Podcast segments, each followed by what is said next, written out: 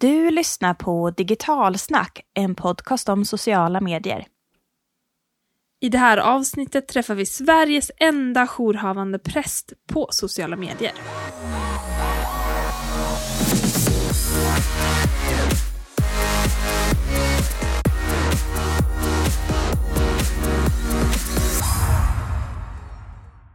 Hej och välkommen till Digitalsnack social media-podd. Det här är podden som ger dig ett hallelujah moment i social media-sfären.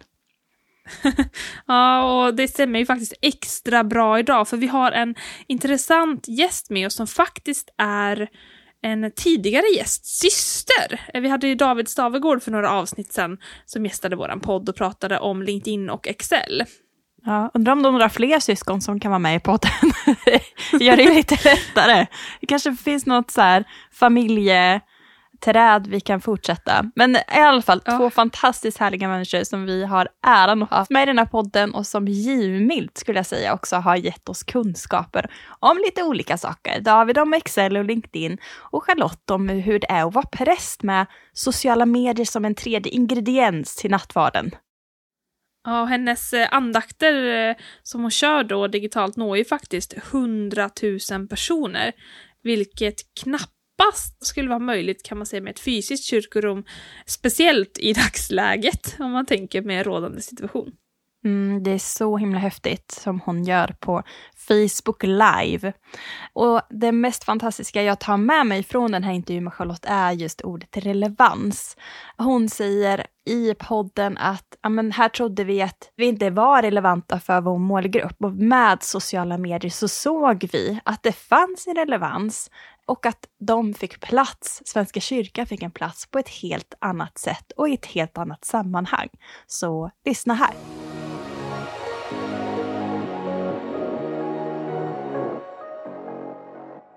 Välkommen till Digitalstackpodden Charlotte Frycklund. Tack så jättemycket. Det är superroligt att få vara med.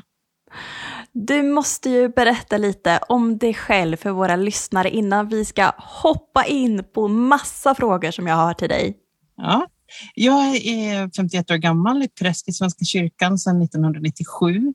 Jag har eh, ett jätteovanligt jobb faktiskt, för jag är präst helt och hållet på sociala medier. Det är ingen annan som, som får betalt för det. Det finns jätteduktiga sociala mediepräster, men mig ger de pengar för det och det är helt fantastiskt. Så mitt jobb består i att sitta på Facebook, Twitter, Instagram primärt och eh, prata existentiella frågor med folk hela dagarna. Det måste vara det bästa jobbet i världen wow, säger man. Man kan ju ibland tycka att man gör världen lite bättre, men du gör det verkligen på arbetstid. Det är så himla häftigt. Jag läste i någon intervju med dig att för din första lön så köpte du ett modem. Ja, så länge sedan. Säger det en del om liksom att du är en drivkraft inom Svenska kyrkan kring det här med digitalisering och sociala medier? Ja, men jag tror att jag tillhör de som direkt kände sig hemma på internet. Det har jag ett tydligt minne av det, var, det här med chattforum och ställen att prata på och så där, det var verkligen jätteviktigt för mig. Men sen var det när vi förlorade vårt första barn 2002 som jag hittade att det, det kortade liksom vägarna till andra för att vi kände ingen annan som hade förlorat barn. Det är ganska traumatiskt och stort liksom. Men på internet fanns de och där kunde man prata, man kunde få stöd och det kunde vara allt från sånt här stöd som, jag vet att i någon av våra grupper så var det en som sa, jag, jag kan inte ens ta av mig morgonrocken och gå ut. Liksom. Och alla andra bara, men nu gör vi så här, nu går du till affären. Klä på dig, gå till affären och berätta hur det var sen när du kommer tillbaka. Och så gjorde personen det och det är så fint att kunna följa någon på det sättet. Men det är klart, jag kände mig på nät, hemma på nätet innan dess. Jag träffade min man på nätet. Det, så att, ja, det är nog sant. Jag har nog levt rätt mycket på nätet, alltid. Ja, vad härligt. Och det är väl det som har varit fantastiskt med sociala medier, att man kan träffas utifrån intressen, men också liksom mm. händelser och, och, hitta gemensamma nämnare. Hur mm. aktiv är du privat på sociala medier? Alltså, för aktiv tror jag. Jag trodde att det skulle minska när jag fick det här jobbet, för jag tänkte att då kommer det inte vara roligt längre. Men jag är, väldigt aktiv i mina egna, framförallt på Facebook. Jag det är nog min, det är där jag känner mig mest hemma och det stämmer ju med min ålder också. Det är precis som det ska vara enligt svenskarna och internet. Och sen försöker jag finnas på Instagram och LinkedIn och sådär även privat. Men det är inte alls samma, jag är inte alls lika duktig där. Mm. Mm.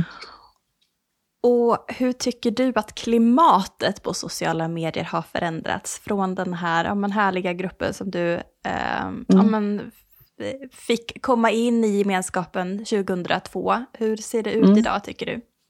Ja, alltså 2002 är internet uppkopplat. Alltså jag menar på modem. Det var ju en, mycket långsammare process att koppla upp sig.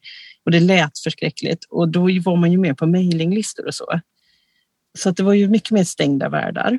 Sen kom i mitt liv då, så kom föräldranätet och internetuppkoppling och det blev ju, då blev det snabbare. Men också mer, ja det var ju öppnare klimat eftersom vem som helst kunde gå med i en grupp på föräldranätet och, och prata med andra. Å andra sidan så började det komma det här att någon kunde vara elak eller liksom oresonlig, man inte riktigt kunde prata eller mötas, men man hade inte ord för det riktigt. Så jag skulle vilja säga att vad som har hänt sedan dess är att, att vi har, det, på ett sätt så har klimatet hårdnat för att vi kan vara ganska kategoriska och elaka mot varandra, men på ett annat sätt så har också kunskapen om det hunnit öka så mycket så att vi kan göra regler i våra grupper och säga att nej, men du måste ju läsa det här generöst. Det är klart att det verkar hårt i skrift, men det vet ju alla. Läs det här med en snäll röst, ska du se att personen inte är elak. Så vi har lärt oss väldigt mycket tycker jag.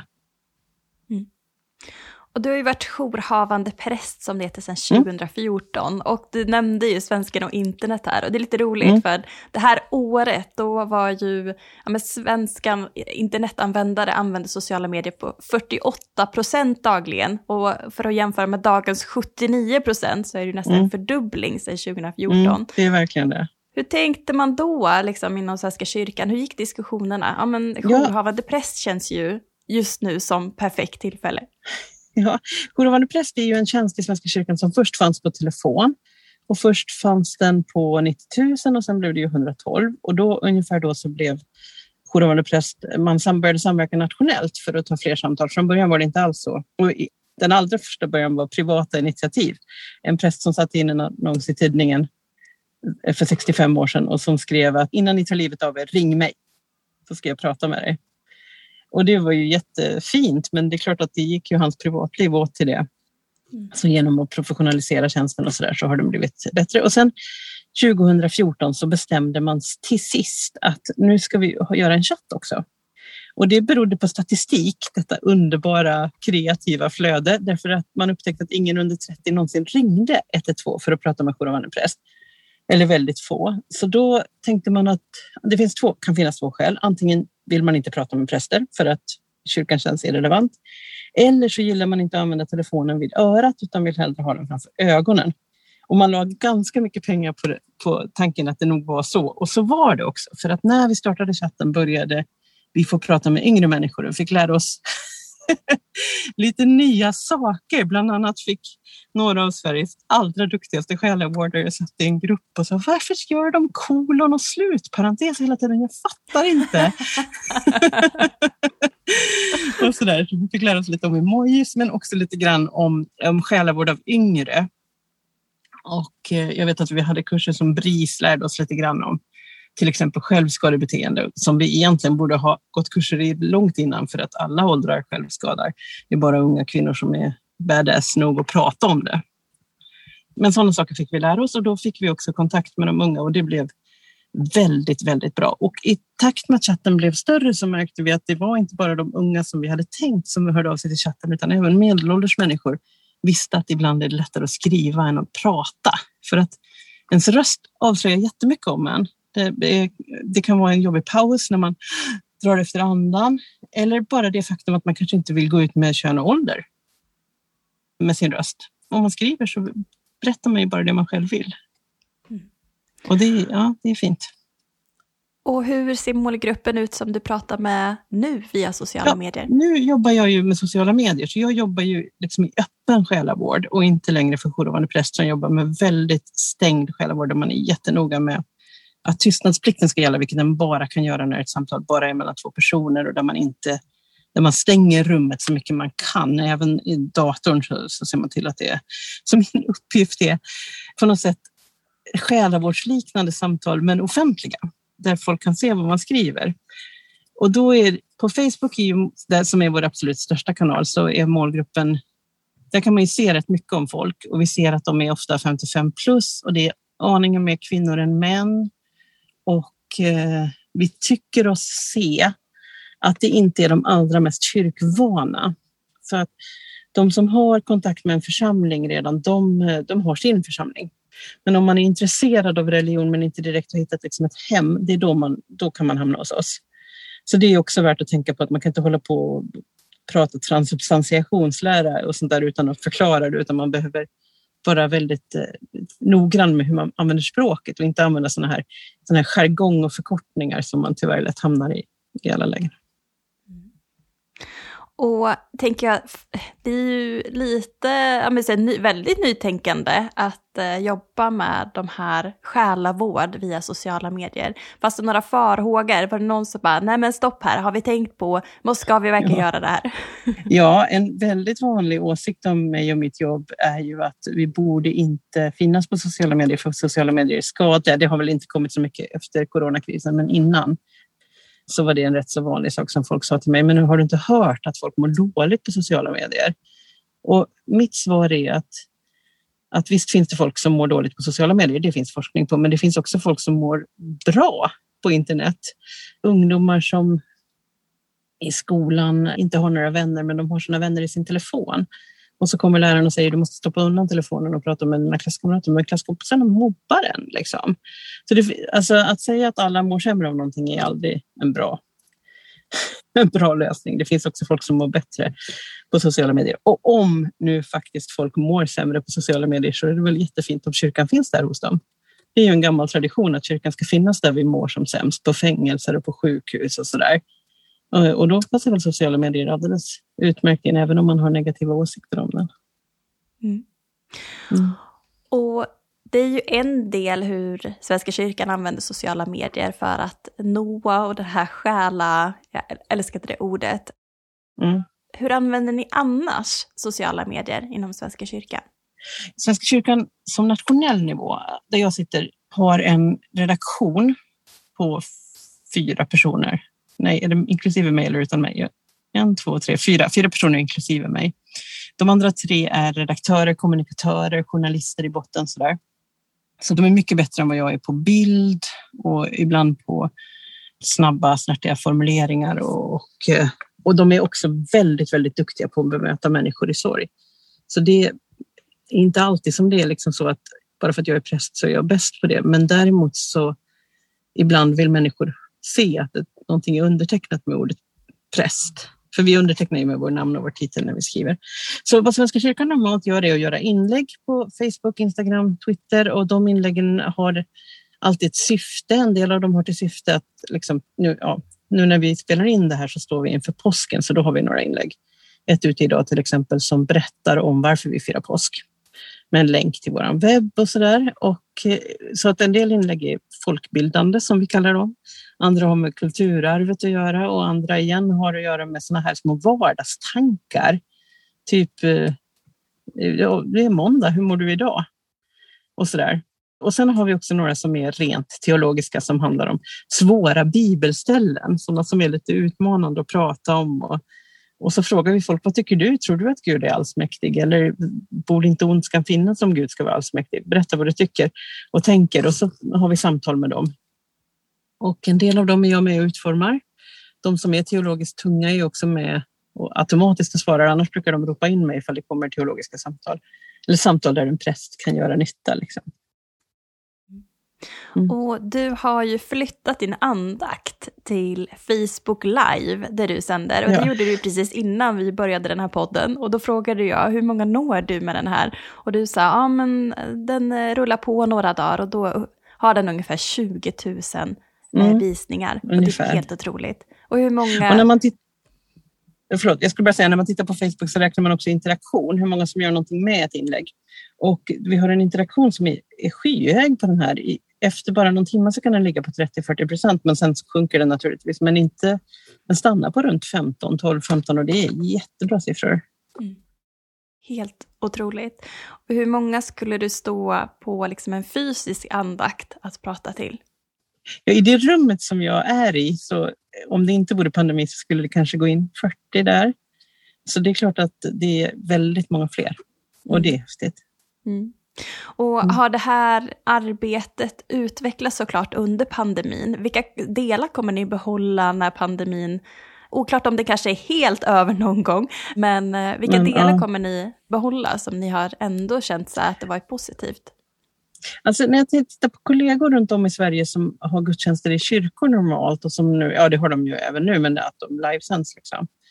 De säger ju nästan allihopa att vi har så många fler som deltar nu. Det är så otroligt många fler. Och de kan inte riktigt liksom...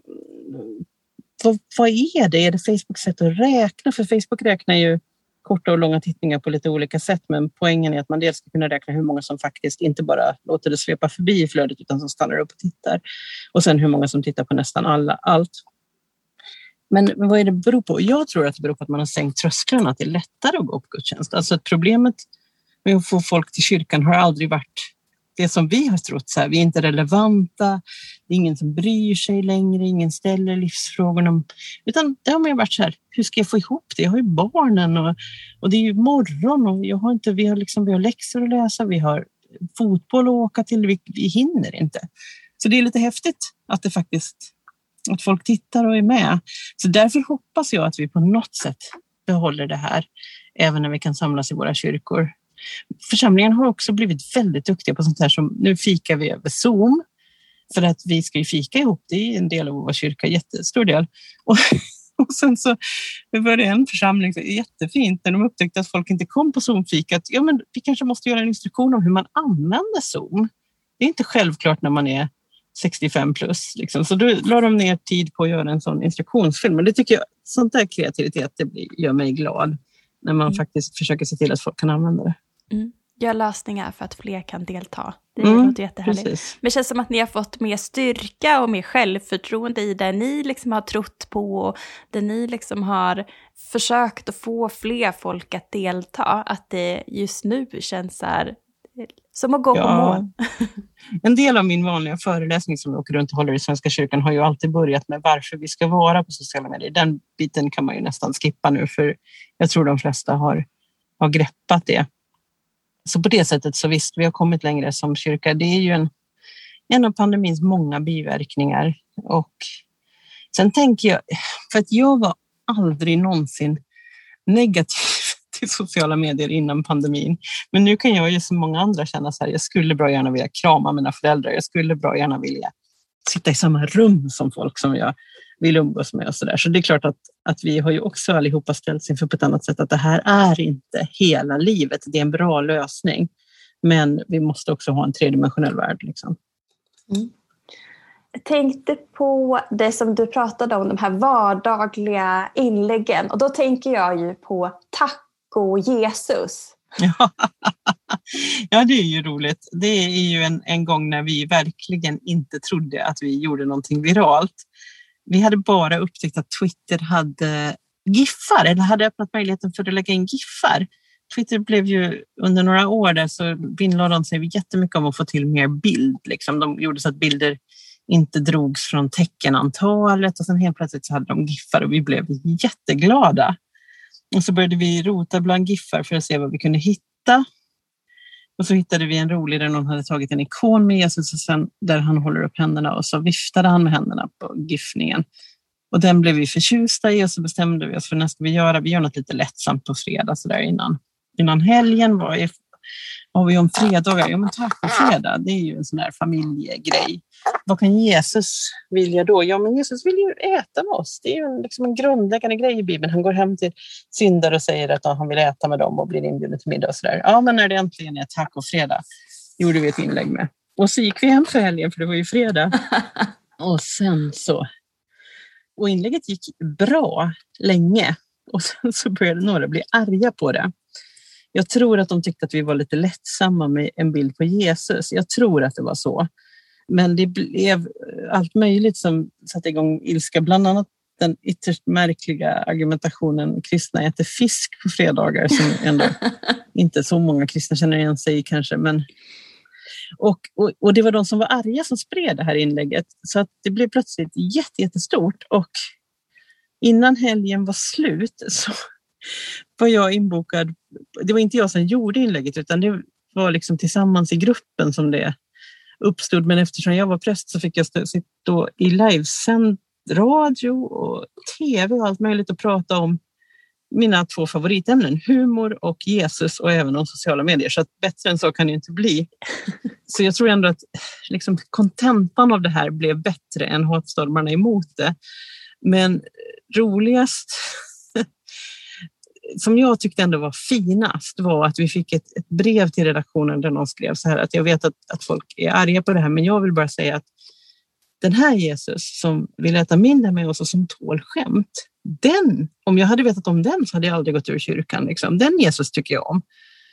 Så det fanns även många som liksom blev positivt berörda, men man märkte, du vet ju hur, får man negativ kritik så, så, så sitter den igen. Så mm. det dröjde ett tag innan vi vågade vara vad man kanske kan kalla för frimodiga på Twitter igen. Efter det. Vi var väldigt traditionella. Om man tittar, på, tittar tillbaka i vårt flöde så bönerna var väldigt traditionella, skrivna av någon annan, bildsatta med solnedgångar och sådär.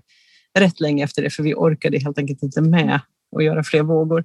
Det är också en sån där grej som man kan tänka på om sociala medier, tycker jag, att har man gjort någonting positivt eller negativt som har blivit viralt så måste man räkna med att man blir trött. Och man måste räkna med att det går åt arbetstid eller återhämtningstid. Så där, man behöver helt enkelt godis och kramar ett tag efter det för det är en väldigt stor våg som sveper med en men som inte märks i det fysiska rummet. Så det känns både overkligt och har ändrat hela verkligheten på samma gång. Det är en speciell grej. Mm. Så inga mm. gigantiska virala succéer för ofta? Alltså på ett sätt så vill man ju ha det och vi har ett, ett bolag som tittar på vår statistik och de var jättenöjda med det här inlägget. Det var det inlägget på Twitter som jag gjort någonsin som har väckt mest uppmärksamhet och vi satt mm.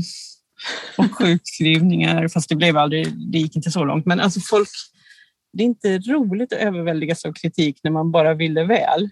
Mm. Och, och, det är klart, det är inte bara vi som har märkt det, men det är intressant är det ju. Och hur hanterar ni, du sa ju ja men de här andakterna har liksom engagemangsfrekvens på runt 15 procent.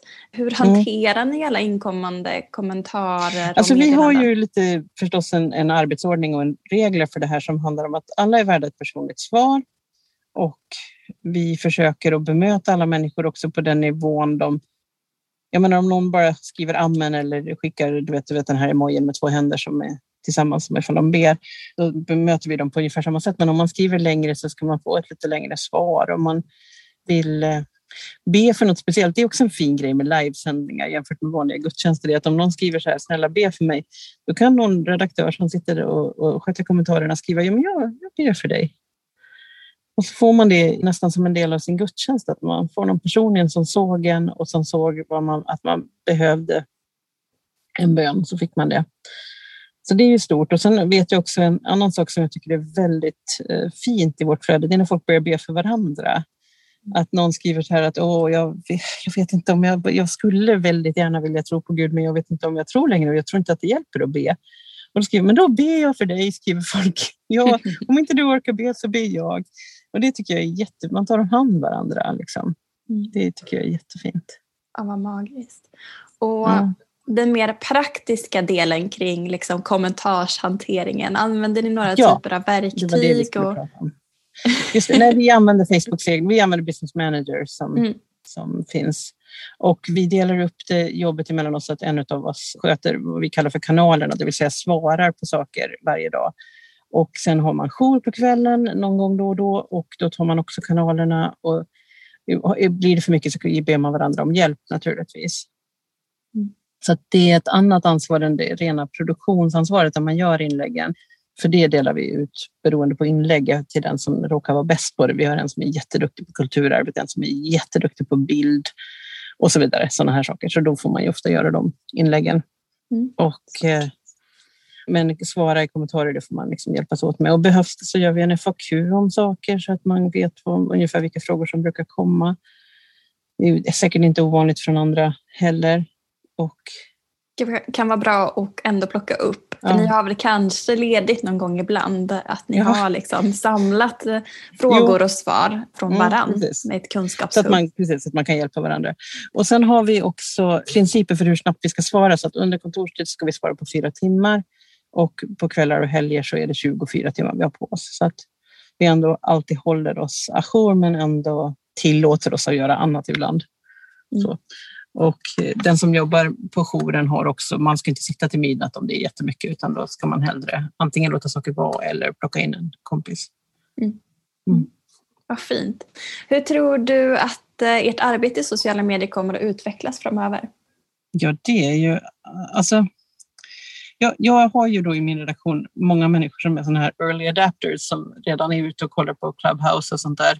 Som jag är mer av en väldigt slow adapter för att ha det jobb jag har. Det tar ett tag för mig. Så dels så får man väl tänka att det kommer nya sociala medier och med dem så kommer nya sätt att hantera dem. Men jag tänker ändå en sak som jag tycker att jag har sett i Svenskarna och internet flera år i rad, men även i verkligheten är att vi har blivit väldigt kunniga om att Facebook är duktiga på grupper. Och det har människor märkt. Grupper är ett sätt att samla folk som har samma intresse men inte direkt eh, känner varandra i verkliga livet. Så om man till exempel är väldigt intresserad av kulturhöns så kan man hitta grupper om det på Facebook eller, eller olika typer av teologi eller ja, fandoms av olika slag. Och det där är ett bra sätt att samla människor. Jag tänker att vi har en framtid i grupper vi har gjort ett litet försök med sorgegrupper på Facebook. Och sorgegrupper är en grej som kyrkan gör för att hjälpa sörjande att möta andra sörjande och komma någon vart i sin sorg. Vi har ett väldigt utarbetat sätt att jobba med det där man pratar om olika ämnen varje gång. Det är en präst och en diakon tillsammans som leder så att ingen ska vara osedd och man bjuder in församlingsbor och så där. Och jag har ända sedan vår son dog längtat lite grann efter att det skulle kunna ske digitalt därför att jag tror att ibland är det så, ja, svårt för folk att ta sig ur huset men också lättare att svåra, prata om svåra saker ibland i skrift. Mm. Och nu fick vi chansen att prova det och eh, det är ju ett sätt att använda grupper som är rätt speciellt och som jag tycker jag ser Eftersom jag då har förlorat barn så ingår jag i massa sådana grupper på Facebook för folk som har förlorat barn, även om det nu är många år sedan för mig. Och det är ett sätt att möta människor i samma situation som man aldrig skulle ha träffat annars. Och det är en bra grej. Så där tror jag kan ha utvecklingspotential som mm. kyrka. Mm. Mm. Själva syftet när ni startade den här liksom nätprästen berättade ju för att nå nya mm. målgrupper som inte hörde av sig. Vi har ju nu en mm. generation då Z som växer upp på helt andra sociala kanaler och har ett helt liksom separat liv nästan från oss. Mm. Kommer vi se liksom Svenska kyrkan på TikTok snart? Ja, det hoppas jag verkligen. Och vi har till och med en sån här early adapter-präst som har hållit gudstjänst på Clubhouse. Så det, jag tror det, men Svenska kyrkan är ju sina medlemmar framför allt och mindre institutionen än, än människorna. Så jag, vad jag hoppas på, vad jag ständigt hoppas på, vad som är min sån där, du vet, för övrigt anser jag att Kartago bör förstöras, som jag avslutar alla möten med, är att vi hittar en ung, duktig kristen person som skulle kunna vara en svensk youtuber.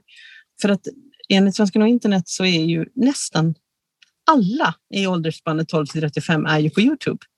Det är olika hur ofta, men alla är där. Mm. Och då vore det väl skam om inte vi var där och deltog i konversationen. Och eftersom svenska Youtubers är ett sånt härligt tight-knit gäng liksom, där man träffar varandra och går in i varandras kanaler och pratar med varandra och så, där, så vore det så roligt att ha någon del av det som där kyrkan var. Mm. Jag tycker om att tänka mig att man skulle kunna samarbeta på ett sånt sätt att I just wanna be cool gör en sån där fem sätt att överleva en tråkig gudstjänst. Eller, eller liksom skaffa en, en liten figur efter, som... Vi får göra en eftersökning i podden här om det finns ja. någon ung kreativ som skulle kunna mm. youtuba för Svenska kyrkan. Ja, och det är inte jättelätt för det finns ju ett hat så man måste liksom ha kanske någon uppbackning och man måste ha skinn på näsan. Och det tycker jag verkligen att vi som kyrka ska göra. Men vill man stå upp för till exempel religionsdialog eller hbtq-frågor eller sånt så får man vara beredd med att vissa tycker att det är väldigt kontroversiellt. Och då blir det lite mer eh, problematiskt liksom, mm. att våga göra det bara. Men mm. jag hoppas att ändå att det dyker upp någon och att vi kan ge den personen den uppbackning den behöver. Mm.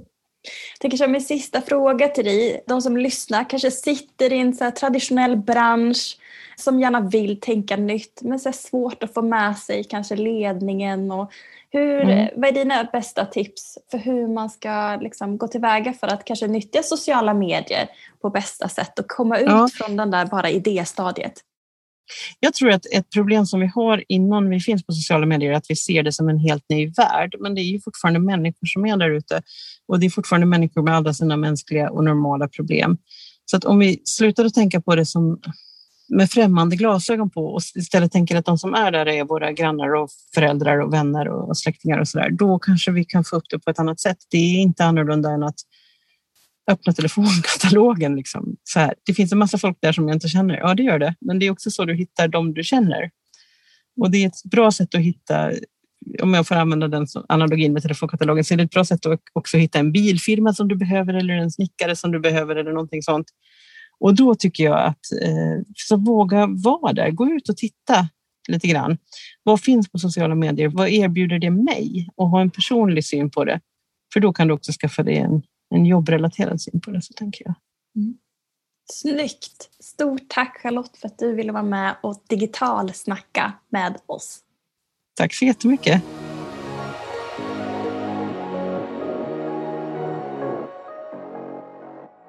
Stort tack för att eh, ni har lyssnat på det här poddavsnittet. Och dela gärna med er och tagga oss i sociala medier när ni lyssnar på några av våra avsnitt. Tack och hej!